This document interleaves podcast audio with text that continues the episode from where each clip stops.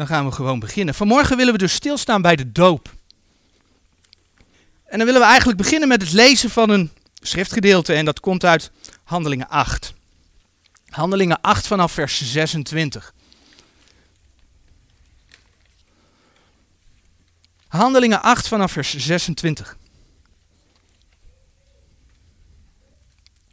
En een engel des Heren sprak tot Filippus, zeggende: Sta op en ga heen tegen het zuiden, op de weg die van Jeruzalem afdaalt naar Gaza, welke woest is.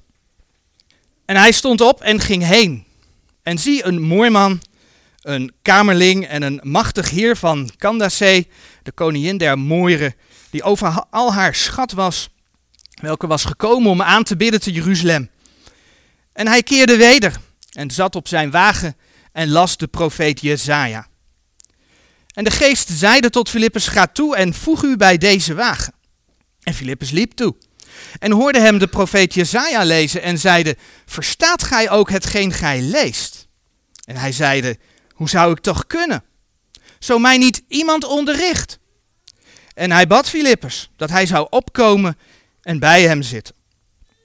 En de plaats der schriftuur die hij las was deze. Hij is gelijk een schaap ter slachting geleid. En gelijk een lam stemmeloos is voor dien die het scheert, alzo doet hij zijn mond niet open. In zijn vernedering is zijn oordeel weggenomen.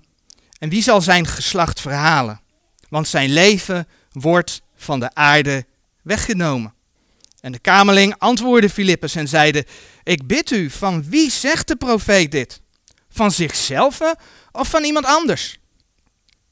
En Filippus deed zijn mond open en beginnende van diezelfde zelfde schrift verkondigde hem Jezus.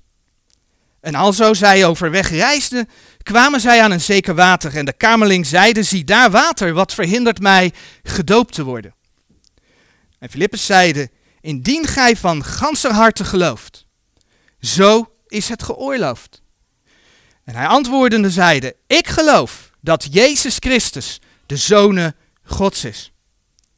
En hij gebood de wagen stil te houden. En zij daalden beide af in het water, zo Filippus als de kamerling, en hij doopte hem. En toen zij uit het water waren opgekomen, nam de geest des Heren Filippus weg. En de kamerling zag hem niet meer, want hij reisde zijn weg met blijdschap. Maar Filippus werd gevonden te Azoten. En het land doorgaande verkondigde hij het evangelie in alle steden, totdat hij te Caesarea kwam. De vraag is dus, waarom willen we ons laten dopen? Waarom willen uh, Niek, Jeditja en Natanja zich laten dopen? En waarom gebeurt dat door onderdompeling? Nou, als we in de Bijbel kijken, dan zien we dat er regelmatig gedoopt wordt. De Heer Jezus zelf heeft zich laten dopen. Je kunt dat onder andere lezen in Matthäus 3, vers 15. En we zien natuurlijk de opdracht die de Heer Jezus na zijn uh, lijden, sterven en opstanding aan zijn discipelen gaf. De tekst die staat hier op, op de dia. Matthäus 28, vers 19. Ga dan heen, onderwijst al de volken, dezelfde dopende in de naam des Vaders en des Zoons en des Heilige Geestes, lerende hen onderhouden alles wat ik u geboden heb. En in navolging daarvan zien we op verschillende plaatsen in de Bijbel dat de apostelen doopten. Maar wie dopen zij? De apostelen die dopen wanneer iemand tot geloof gekomen is. Dat hebben we vanmorgen ook bij de Kamerling gelezen. Handelingen 8, vers 36 en 37. Laten we die twee versen nog een keer lezen. En alzo zij overweg reisden, kwamen zij aan een zeker water en de kamerling zeide, zie daar, wat verhindert mij gedoopt te worden? Wat is er op tegen dat ik gedoopt word? En Filippus zeide, indien gij van ganser harte gelooft, zo is het geoorloofd. En hij antwoordende zeide, ik geloof dat Jezus Christus de Zone Gods is. En dan zien we in vers 38 dat hij gedoopt wordt. Maar hetzelfde, en dan bladeren we door naar Handelingen 16. Zien we bij de stokbewaarder van Filippi. We lezen in eh, vers 33 van Handelingen 16 dat de stokbewaarder met zijn hele huis gedoopt werd. Maar waarom werd hij met zijn hele huis gedoopt? Omdat hij met zijn hele huis tot geloof was gekomen. Kijk maar, vers 34. En hij bracht hen in zijn huis en zette hun de tafel voor en verheugde zich dat hij met al zijn huis aan God gelovig geworden was. Geloof is dus de basis voor de doop in de tijd van de gemeente van Jezus Christus. En wat uit die gedeelte blijkt, is dus dat iemand al gelooft op het moment dat hij zich laat dopen. En dan bladeren we naar Efeze. Efeze 1. Dan gaan we zo vers 13 en 14 lezen. Want dopen zorgt er dus niet voor dat iemand tot geloof komt, dat iemand gaat geloven. Dopen, hè, dat is in, in, de, in de evangelische, charismatische kringen, is dat, uh, wordt dat nog wel geleerd. Dopen zorgt er niet voor dat je de Heilige Geest ontvangt. Kijk maar in Efeze 1, vers 13 en 14. In welke ook gij zijt, nadat gij het woord der waarheid, namelijk het evangelie uw zaligheid, gehoord hebt. Het begint dus met het horen van het woord. In welke gij ook, nadat gij geloofd hebt, het horen van het woord, het geloven van het woord, zijt verzegeld geworden met de Heilige Geest der belofte. Dus als je het woord hoort, tot geloof komt, zegt God, dan verzegel ik je met mijn geest. Vers 14, die het onderpand is van onze erfenis tot de verkregen verlossing. Dat is een hele mooie tekst. Want als je dus Jezus Christus hebt aangenomen op grond van het woord, dan heb je de verlossing verkregen. Dat is gewoon een zekerheid, dat is een feit. En ja, als je dus op dat moment tot geloof komt, door het horen van het woord, je hebt de Heilige Geest ontvangen, heb je nog niet gedoopt. En ja, ik weet, er zijn versen, Handelingen 2 vers 38, die aangehaald worden om te bewijzen dat dopen je zonde vergeeft. Of dat, doop, dat je door dopen de Heilige Geest ontvangt. Die versen zijn er. Handelingen 2 vers 38. Petrus op de Pinksterdag die zegt het volgende. En Petrus zeide tot hen, bekeert u en een iegelijk van u worden gedoopt in de naam van Jezus Christus tot vergeving der zonden. En gij zult de gave des Heilige Geestes ontvangen. Handelingen 2 vers 38. Het voert te ver om dat in deze dienst helemaal uit te werken. Maar ik volsta er nu mee om te zeggen dat er in handelingen een bepaalde ontwikkeling gaande is. Een ontwikkeling waarin je ziet dat eerst het Joodse volk nog benaderd wordt. En je kunt dat onder andere lezen in Handelingen 2, vers 14, 22 en 36. Petrus spreekt daar heel specifiek het huis Israëls aan. Gij Israëlitische mannen. En die lieten zich dopen terwijl zij hun zonde beleden. En dat is nog in navolging ook van de doop van Johannes de Doper. Die deed precies hetzelfde. Lucas 3, vers 3 en Marcus 1, vers 4 en 5. Dat is een Joodse doop. Maar later, en die tekst zoeken we op, doet Petrus de volgende uitspraak in 1 Petrus 3, vers 21. 1 Petrus 3, vers 21. 1 Petrus 3, vers 21. En er staat, waarvan het tegenbeeld, de doop, ons nu ook behoudt, niet die een aflegging is van de vuiligheid des lichaams, niet die een aflegging is van de vuiligheid des lichaams, maar die een vraag is ener goede consciëntie, van een goed geweten, tot God, door de opstanding van Jezus Christus. Hier zegt hij dus ronduit dat de doop niet is tot aflegging van de vuiligheid van het lichaam. De doop is niet tot vergeving. Op dezelfde manier is te laten zien dat mensen door de waterdoop niet de Heilige Geest ontvangen. En Efeze 1, vers 13 en 14, die versen die we gelezen hebben, zijn daar een voorbeeld van. En dan wordt al gauw geroepen, zie je wel, de Bijbel spreekt zichzelf tegen. Nee, de Bijbel spreekt zichzelf niet tegen. Dat doet Gods woord niet. Dat het verschillend is, komt omdat er een ontwikkeling heeft plaatsgevonden.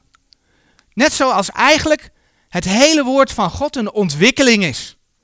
De God gaf Israël bepaalde wetten die wij als gemeente vandaag de dag niet meer hoeven te houden. Dat laat hij in het Nieuwe Testament zien. En zo heeft ook de doop een ontwikkeling doorgemaakt.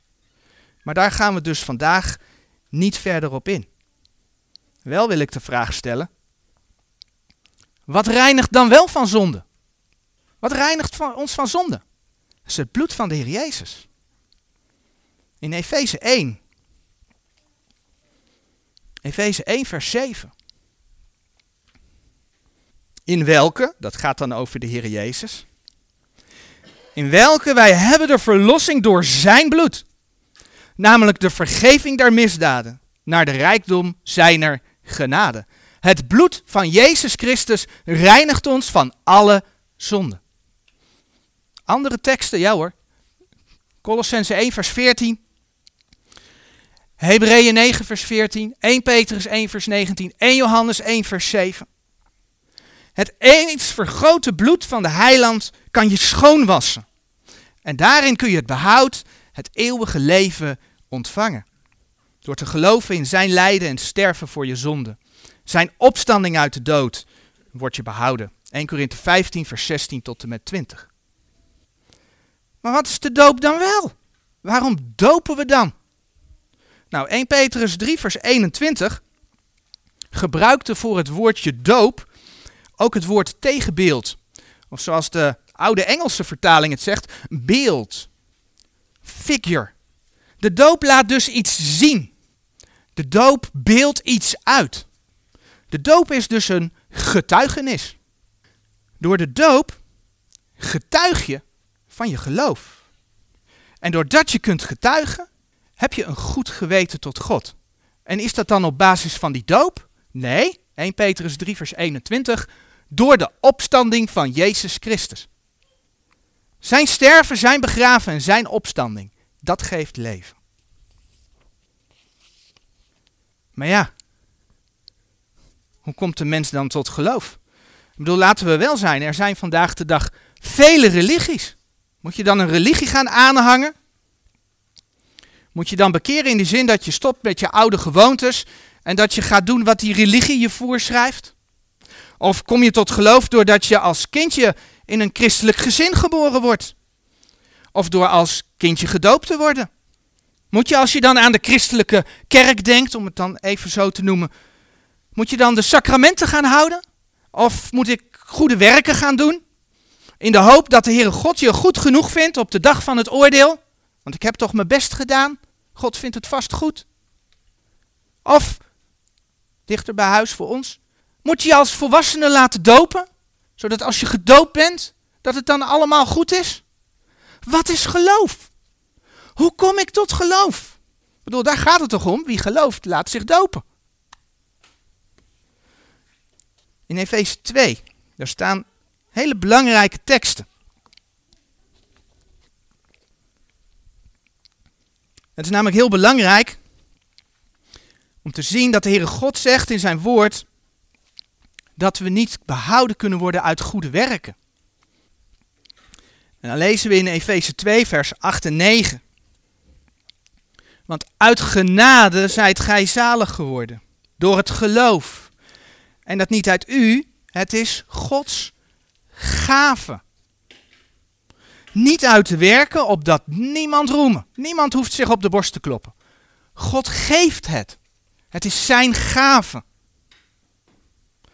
Ja, en dat niet uit te werken is een heel groot verschil met eigenlijk alle religies die je een zoveelvoudig pad voorschotelen om iets van God te bereiken.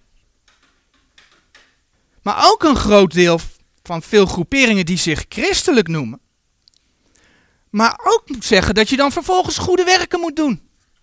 Om behouden te worden. Om bij God in een goed blaadje te komen. We hebben het net gelezen.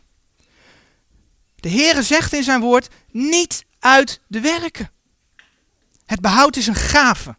Een geschenk van God aan mensen. Maar zegt iemand, zijn goede werken dan helemaal niet belangrijk? Nou, dat is mooi. Kan ik doen en laten wat ik wil? Nou, zo is het dus net niet even helemaal. In Efeze 2 vers 10 staat geschreven, want wij zijn zijn maaksel geschapen in Christus Jezus. Dat gaat over mensen die tot wedergeboorte gekomen zijn, mensen die geloven, die zijn zijn maaksel, geschapen in Christus Jezus, tot goede werken. welke God voorbereid heeft opdat wij in dezelfde zouden wandelen. Dus wanneer wij eenmaal tot geloof zijn gekomen, dan wil de Heer wel degelijk dat we goede werken gaan doen, dat we iets doen met ons geloof. Hij heeft die dingen voor ons voorbereid, staat daar. Dus nee, het is niet dat ik dan maar kan raakzondigen, maar kan doen wat ik wil. En daar valt veel meer over te zeggen. Dat ga ik vandaag niet doen. Feit is dat zalig worden, want daar ging het om, dat behouden worden, niet uit de werken is. De Heere God laat namelijk zien in zijn woord dat mensen uit zichzelf niet bij hem kunnen komen. En dan bladeren we naar Romeinen, Romeinen 3. Romeinen 3. En ja, Gods woord laat zien dat mensen van nature, zoals ze geboren worden, zondig zijn. En de Bijbel is daar heel stellig in. Er is geen één mens rechtvaardig, staat er in Gods woord. Romeinen 3, vers 10. Gelijk geschreven is, er is niemand rechtvaardig, ook niet één. Dat sluit dus helemaal niemand uit. Er is niemand die verstandig is. Er is niemand die God zoekt.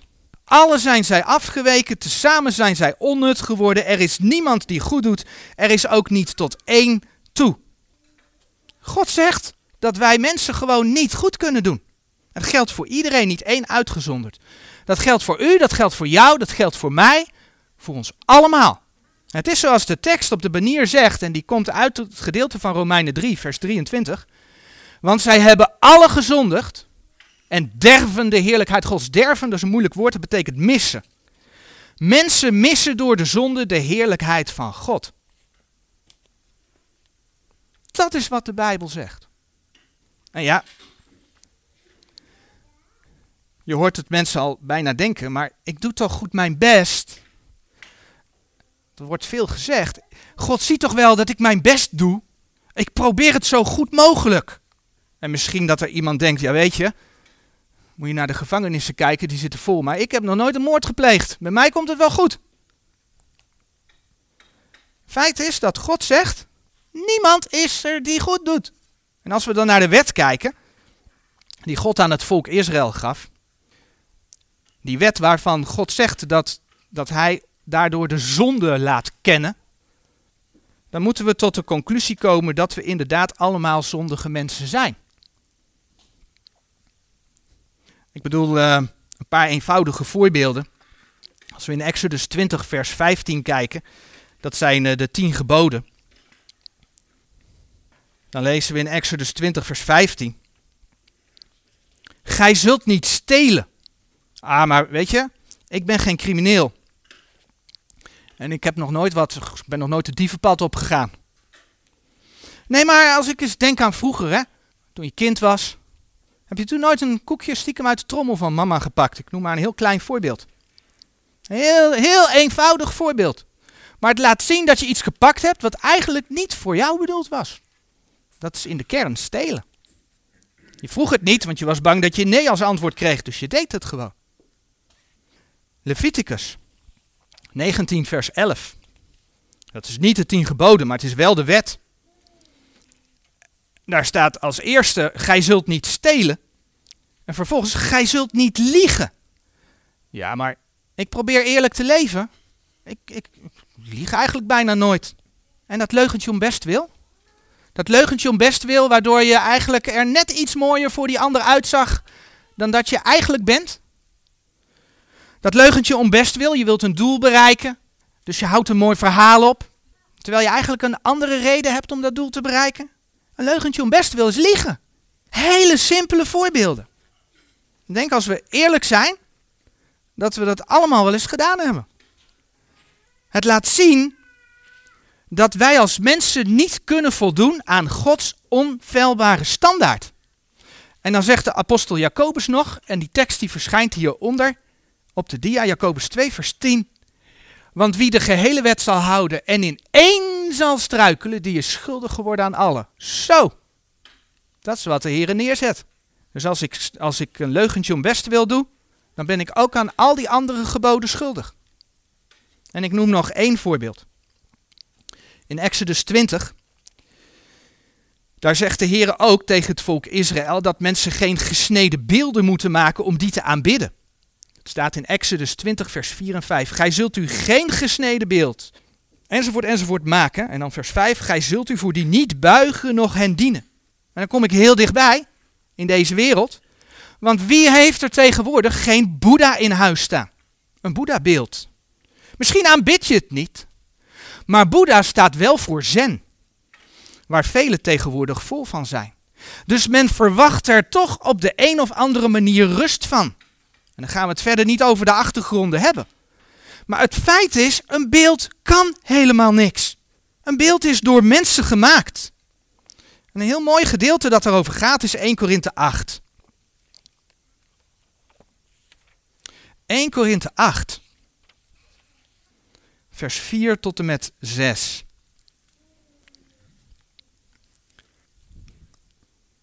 Aangaande dan het eten der dingen die de afgoden geofferd zijn, wij weten dat een afgod niets is in de wereld en dat er geen ander God is dan één. Want hoewel er ook zijn die goden genaamd worden, genaamd worden, het zij in de hemel, het zij op de aarde, gelijk er vele goden en vele heren zijn, nochtans hebben wij maar één God de Vader, uit welke alle dingen zijn en wij tot hem, en maar één Heere Jezus Christus, door welke alle dingen zijn en wij door hem. Ja, er zijn vele goden en er zijn vele heren. Maar zag je wat er staat? Zij worden zo genoemd. Ze zijn het eigenlijk niet. Het zijn afgoden. En God zegt dat een afgod helemaal niets is. Er is één God die hemel en aarde gemaakt heeft. En dat is de God die leeft. Dat is de God die zich geopenbaard heeft in de schepping. Romeinen 1, vers 20. Die zich geopenbaard heeft in zijn zoon. Die zich geopenbaard heeft in zijn woord. En mensen hun hel maar zoeken bij ideeën en dingen die zelf gefabriceerd zijn. In de ogen van God komen wij allemaal, niemand uitgezonderd, vreselijk tekort. En ja, die zonde, zegt de Bijbel, die hebben wij van nature. Oftewel, we worden ermee geboren. En ik heb het voorbeeld laatst ook gebruikt, maar ik herhaal hem hier. Sorry meiden. Al heel jong zie je dat bij kinderen. Al heel jong vinden kinderen heel mooi om te ontdekken wat er gebeurt als ze iets doen wat niet mag. Eh, ik herinner me dus dat een van de meiden nog maar net begon te kruipen. En iets wilde pakken wat niet mocht. En dat had ik duidelijk gezegd. En dat ging toch door daar naartoe. En dat handje ging er naartoe. Ik zeg het nog een keer heel duidelijk. Dan word je aangekeken. En dan komt er op een gegeven moment een grote lach. Word je strak aangekeken, een grote lach. En dan wordt het toch gepakt. En dan zie je dat ze al heel jong doorhebben dat ze iets doen wat papa niet wil hebben. Ik vind dat een mooie illustratie van hoe de zonde, het niet willen luisteren, er al heel vroeg in zit. En daar hebben alle mensen last van. Iedereen. Zo zegt David in Psalm 51, vers 7, en de tekst die komt hier op de dia. Zie, ik ben in ongerechtigheid geboren en in zonde heeft mijn moeder mij ontvangen. Zo gaat het. En ja, hoe reageren volwassenen als kinderen dan te ver gaan vaak? Ja, er moet toch wel wat in zitten. Er moet wel wat, de kind moet wel wat pit hebben. Mensen vinden het mooi als je niet luistert. Mensen vinden het mooi als je opstandig bent. Het zit er van nature in. En als je dan in Efeze kijkt, dan kun je lezen wat God daarvan zegt. Efeze 2, vers 3. Onder de welke, en dat verwijst naar vers 2, dat gaat over de macht der lucht, daar kom ik zo nog op terug. Onder de welke ook wij alle eertijds verkeerd hebben in de begeerlijkheden onzes vleeses, doende de wil des vleeses en der gedachten. En wij waren van nature kinderen des torens, gelijk ook de anderen. Vaak hoor je mensen zeggen dat we allemaal, alle mensen, toch, ja, we zijn toch allemaal kinderen van God. Maar dit gedeelte gaat er juist over dat dat niet zo is. We zijn niet allemaal maar zo kinderen van God. Van nature sta je door de zonde onder de vijand van God, onder de duivel. Ja, dat is een hele kluif, maar dat, dat is wel wat Gods woord laat zien. Van nature staan we, dat is Efeze 2 vers 2, onder de overste van de macht der lucht, van de geesten die nu werkt in de kinderen der ongehoorzaamheid. En daarom valt de mens van nature onder Gods toren, omdat je niet uit jezelf naar hem wil luisteren. Johannes 3 vers 36. Maar die in de zoon gelooft, die heeft het eeuwige leven. Maar die de zoon ongehoorzaam is, die zal het leven niet zien. Maar de toren Gods blijft op hem. En nee, dan maakt het niet uit of je nu in een christelijk gezin geboren wordt of niet. Dit geldt iedereen. De mens wordt zo geboren. Nou, dat probleem van de zonde is ontstaan in het paradijs. Waar de eerste mensen, Adam en Eva, ervoor kozen om niet naar God te luisteren. Genesis 3. Daardoor is de dood in de wereld gekomen. En die dood is via ons bloed tot alle mensen doorgegaan. Romeinen 5 vers 12. Daarom gelijk door één mens de zonde in de wereld ingekomen is en door de zonde de dood en alzo de dood tot alle mensen doorgegaan in welke alle gezondigd hebben. Maar wat mooi. Dit is de basis die we moeten weten. Dit is onze natuurlijke staat. Zo ziet God ons. Maar wat mooi is het om dan te zien wat God aanbiedt. En dat zien we in Romeinen 6, vers 23. Onder andere. Want de bezoldiging der zonde, bezoldiging, het loon van de zonde is de dood. Maar de genadegift Gods, de genadegift Gods, God geeft genade, is het eeuwige leven door Jezus Christus onze Heer. God die geeft dus in Jezus Christus een oplossing. Een oplossing voor de zonde. Voor het feit dat je als mens geneigd bent te zondigen. Voor je zondige natuur. Want daarom kwam de Jezus naar de aarde. Om voor onze zonde te sterven. Voor uw zonde, voor mijn zonde. Te sterven aan het kruis. En de Heer laat zien in Matthäus 1 vers 18 dat de Heer Jezus geboren was uit de Heilige Geest. En dat betekent dat hij inderdaad, en dan kan ik het niet even niet laten om dat te zeggen, ik zou het niet over de vertaling hebben, maar in 1 Timotheus 3 vers 16 staat in de Statenbijbel dat hij God geopenbaard is in het vlees. De nieuwe vertalingen hebben dat wegvertaald. Daar staat niet meer dat Jezus Christus God geopenbaard in het vlees was. Maar doordat hij uit de Heilige Geest geboren was, was hij God geopenbaard in een menselijk lichaam. Gewoon wat de Statenbijbel zegt. Het klopt met elkaar. En als we kijken naar de, naar de schepping, naar het schepsel mens, dan is het biologisch zo, en hier is, is daar een, een, een schemaatje van. Dit is de navelstreng. Dit is de placenta. En dan heb je hier uh, bloedvaten. En hier heb je de kant van de moeder. Maar het bloed van de moeder komt niet in contact met het bloed van het kind. Dat staat helemaal los van elkaar. Dat is biologisch, heeft de Heere God dat zo ingegeven. Dus op het moment dat er een leven ontstaat, uit het zaad wat bij het eitje komt, dan ontstaat daar een bloedstroom in het kind dat losstaat van de moederbloedstroom. Als God dus het leven geeft in Maria, dan is dat dus goddelijk leven wat daar in Maria gegroeid heeft. Maria heeft alleen daar vindt uitwisseling plaats. Alleen via het bloed zijn bouwstenen aangereikt. Waardoor dat lichaam kon groeien. Maar het was God in een menselijk lichaam. Zelfs biologisch kan je dat verklaren. En zo kon de Heer Jezus dus God geopenbaard in het vlees zijn. En hij was daardoor zonder zonde. Dat heeft hij bewezen. Hij heeft de wet vervuld. En zo kon hij voor onze zonde aan het kruis sterven.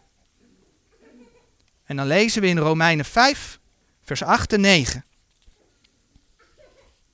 Romeinen 5, vers 8 en 9. Maar God bevestigt zijn liefde jegens ons, dat Christus voor ons gestorven is als wij nog zondaars waren. Uit liefde heeft God zijn zoon gegeven. Veel meer dan, zijnde nu gerechtvaardigd door zijn bloed, zullen wij door hem behouden worden van de toren. God wil ons behouden. Dat is exact wat hij wil. Hij wil mensen redden. In 2 Petrus 3 vers 9, die tekst die verschijnt op de dia. Daar staat zo mooi, de Heere vertraagt de belofte niet gelijk enige dat traagheid achter, maar hij is langmoedig, hij is geduldig. God heeft geduld. Sommigen zeggen, waarom, als er een God is, waarom heeft hij dan nu nog niet ingegrepen? Hij heeft geduld. Niet willende dat enige verloren gaan, maar dat zij alle tot bekering komen. En zo kan ieder mens bij God komen. Ja, en hoe gaat dat dan? Ja, de Bijbel is daar ook heel duidelijk in. Romeinen 10, vers 9.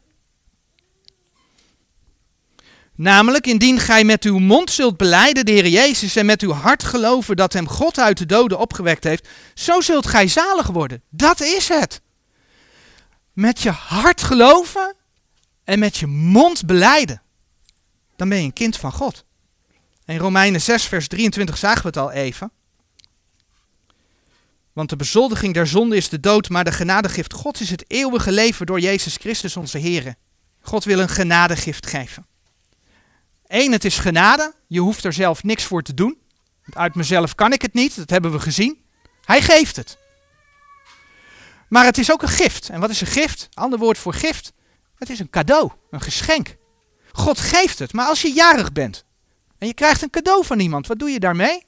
Dat pak je aan, dat eigen je je toe. Dat geldt dus ook voor Gods cadeau. Mensen moeten het aannemen. Dat is het enige. God wil het je geven. Vandaag getuigen de dopelingen, Nick, Natanja, Jeditja, dat zij ja hebben gezegd tegen de Heer Jezus. Heeft u? Heb jij dat al gedaan? Als we naar die banier kijken, dan staat er een meetlat op. Dat is een meetlat. En dat is eigenlijk de meetlat van het woord van God. Het meetlat van de wet.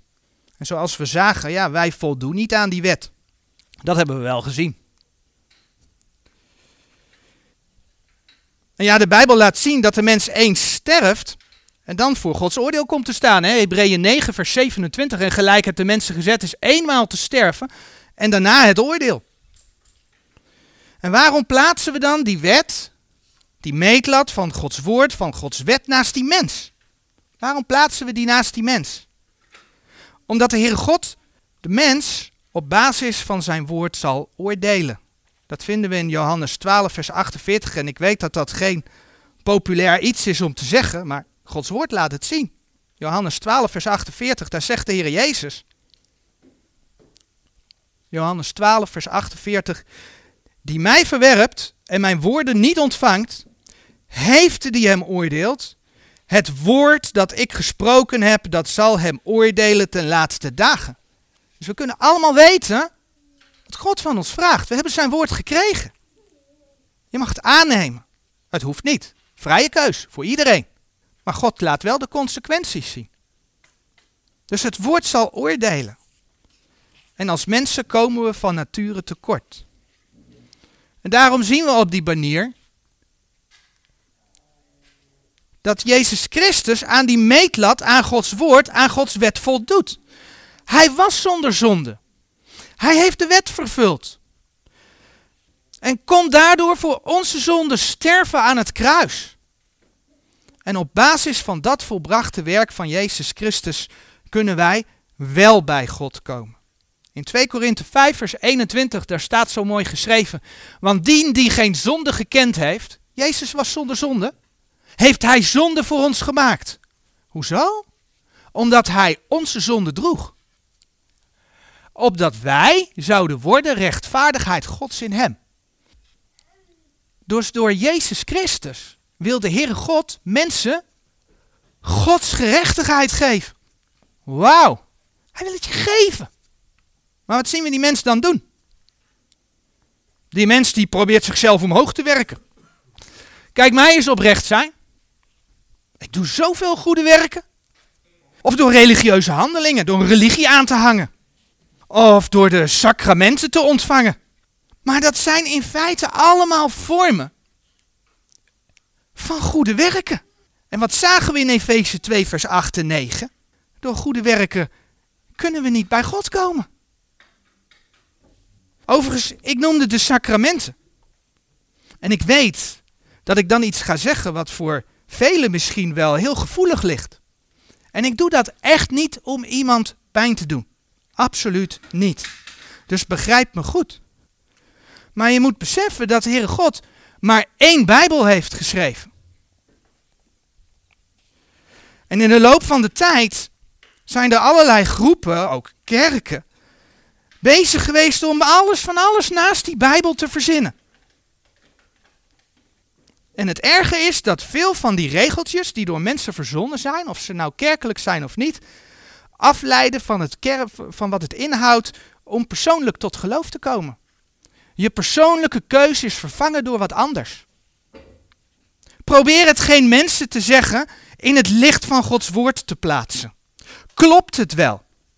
En dat moet je ook doen als het om ja, kerkelijke zaken gaat. Neem het woord sacrament. Dat woord komt niet in de Bijbel voor. En dat woord betekent genademiddel. En het wordt ook wel omschreven als een gewijde handeling waardoor God bij de mens komt. Alsof de kerk genade kan uitdelen. Door een handeling. Maar kijk wat we in Romeinen 6, vers 23 gelezen hebben. Want de bezoldiging, het loon van de zonde is de dood, maar de genadegift Gods is het eeuwige leven door Jezus Christus onze Heer. Het eeuwige leven is een genadegift van God. God is het zelf die genade geeft. En dat veel kerken dat vaak wel denken, bewijst bijvoorbeeld wat. En ik ga een klein stukje voor, uh, uh, citeren uit het formulier voor de kinderdoop. Daar zie je toch dat men zegt dat eerst de doop moet komen en dat je dan toegang krijgt tot Gods heil. Ik, ik citeer enkele zinnen. Want als wij gedoopt worden in de naam des Vaders, zo betuigt en verzegelt ons God de Vader dat Hij met ons een eeuwig verbond der genade opricht, ons tot zijn kinderen en erfgenamen aanneemt. Dus als wij gedoopt worden, zegt het formulier, worden wij aangenomen als kinderen van God. Nog een stukje citaat. En als wij in de naam des zoons gedoopt worden, zo verzegelt ons de zoon dat hij ons wast in zijn bloed van al onze zonden, ons in de gemeenschap zijns doods en zijn er wederopstanding inlijvende, alzo dat wij van onze zonden bevrijd en rechtvaardig voor God gerekend worden. Eén ding weten we. Een babytje kan helemaal nog niet zelf kiezen. Een babytje is niet tot geloof gekomen. Dus hier worden dingen aan de doop toegedicht, waardoor mensen zonder een persoonlijke keus een kind van God zouden worden. En bijbels gezien is dat ten ene male onmogelijk. Ja, het doopformulier spreekt over het feit dat Jezus bloed ons was. Dat klopt. Maar er staat wel bij, als wij gedoopt worden. Zie je dat het omgedraaid wordt?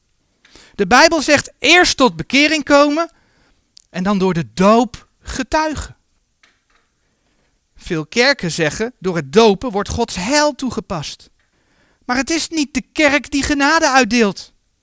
De kerk zou het woord van God moeten verkondigen. Waardoor mensen met Gods woord in aanraking komen en zich kunnen bekeren tot God. En dan deelt God zijn genade uit door mensen te behouden. In Efeze 2, vers 4 en 5 Efeze 2, vers 4 en 5, daar staat geschreven. Maar God, die rijk is in barmhartigheid, door zijn grote liefde waarmee hij ons lief gehad heeft, ook toen wij dood waren door de misdaden, ja, dus wij waren in zonde, God heeft ons lief gehad, heeft ons levend gemaakt met Christus, uit genade, zijt gij zalig geworden. Niet de kerk, maar God zelf maakt levend. En de vraag is dan ook, vertrouw je op het feit dat je goede werken doet? Om bij de Heer te komen. Vertrouw je op het feit dat je als kindje gedoopt bent om bij de Heer te komen? Of vertrouw je erop dat je je als volwassene laat dopen? Dat is net zo goed een verkeerde basis. Waar het om gaat is dat mensen bewust ja zeggen tegen Jezus Christus. Is Hij jouw persoonlijke verlosser? is ook de vraag die ik stelde toen ik te horen kreeg, ik wil me graag laten dopen. Geloof jij van ganse harte dat Jezus Christus de Zoon van God is? En dat Hij voor jouw zonde gestorven is, begraven is en opgestaan? En uit alle drie de monden kwam volmondig, ja, dat geloof ik. En weet je, dat geeft zekerheid. Want als je het zelf probeert, ja, weet je, weet nooit of je het goed doet. weet je niet. En laten we wel wezen, we hebben gezien dat de Bijbel zegt dat het niet eens kan, maar even los daarvan. Je weet echt niet of je het goed doet. En dit geeft zekerheid. Ja, niet dat plaatje, maar Jezus Christus. Dat Hij het voor ons volbracht heeft. Want Hij kon het. Ik niet. En de Kamerling, en dan komen we terug bij het gedeelte wat we vanmorgen gelezen hebben. De Kamerling had wel heel bewust ja gezegd. Dat was Handelingen 8. Hij geloofde dat de Heer Jezus de Zoon van God is. Hoe kwam hij tot geloof dan? Doordat Filippus hem het woord van God uitlegde. Filippus legde hem het woord van God uit. En het gedeelte wat hij uitlegde, dat kwam uit het Bijbelboek Jezaja in Handelingen 8 vers 32. Daar lezen we, en de plaats der schriftuur die hij las was deze.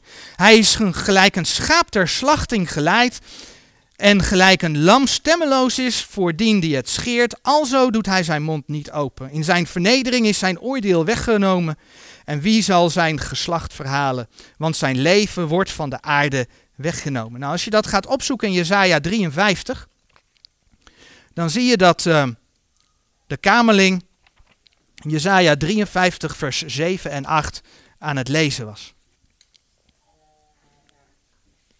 Maar in de context daarvan staat ook Jesaja 53 vers 5. En die kamerling die las dus dat gedeelte en daar staat dus ook, maar hij is om onze overtredingen verwond. Om onze ongerechtigheden is hij verbrijzeld. De straf die ons de vrede aanbrengt was op hem. En door zijn striemen is ons genezing geworden. Dit is dus een profetie van de profeet Jezaja, 712 voor Christus. Die met de Heer Jezus dus zo'n 740 jaar later letterlijk in vervulling is gegaan. En Filippus legt aan de hand van dat gedeelte de kamerling het evangelie uit. Kijk maar in Handelingen 8 vers 35. En Filippus deed zijn mond open en beginnende van diezelfde schrift verkondigde hem Jezus. Dat is wat hij deed. Hij verkondigde hem. We hebben net gelezen dat de Heer onze ongerechtigheden op zich heeft genomen. Dat mensen zondig zijn. Dat Heer Jezus Christus naar de aarde gekomen is om voor de zonde van de mensen te sterven en weer op te staan. En dat geloofde de kamerling van harte. Hij kwam tot geloof. Hij beleed met zijn mond en kon zich daardoor laten dopen. De Bijbelse doop is dus niet tot vergeving van zonde. De Bijbelse doop is dus geen kinderdoop. Maar de Bijbelse doop is ook geen volwassen doop. De Bijbelse doop, en alhoewel dat ook geen woord is wat letterlijk uit de Bijbel komt, maar het wordt wel gedragen door wat de Bijbel zegt. De Bijbelse doop is een geloofsdoop. Want op grond van je beleidenis, van je geloof, kun je laten zien, kun je je laten dopen. Niek, Jeditja en Natanja getuigen vandaag dat zij de Heer Jezus als hun persoonlijke verlosser hebben aangenomen. Zij geloven dat de Heer Jezus voor hen gestorven is, voor hen begraven is en opgestaan is. En daarom laten zij zich dopen. De doop hè, getuigt van het ondergaan in het water, het met de Heer Jezus sterven, het onderzijn in het water, met de Heer Jezus begraven zijn. En het opkomen uit het water als het opstaan met de Heer Jezus in het nieuwe leven. Amen.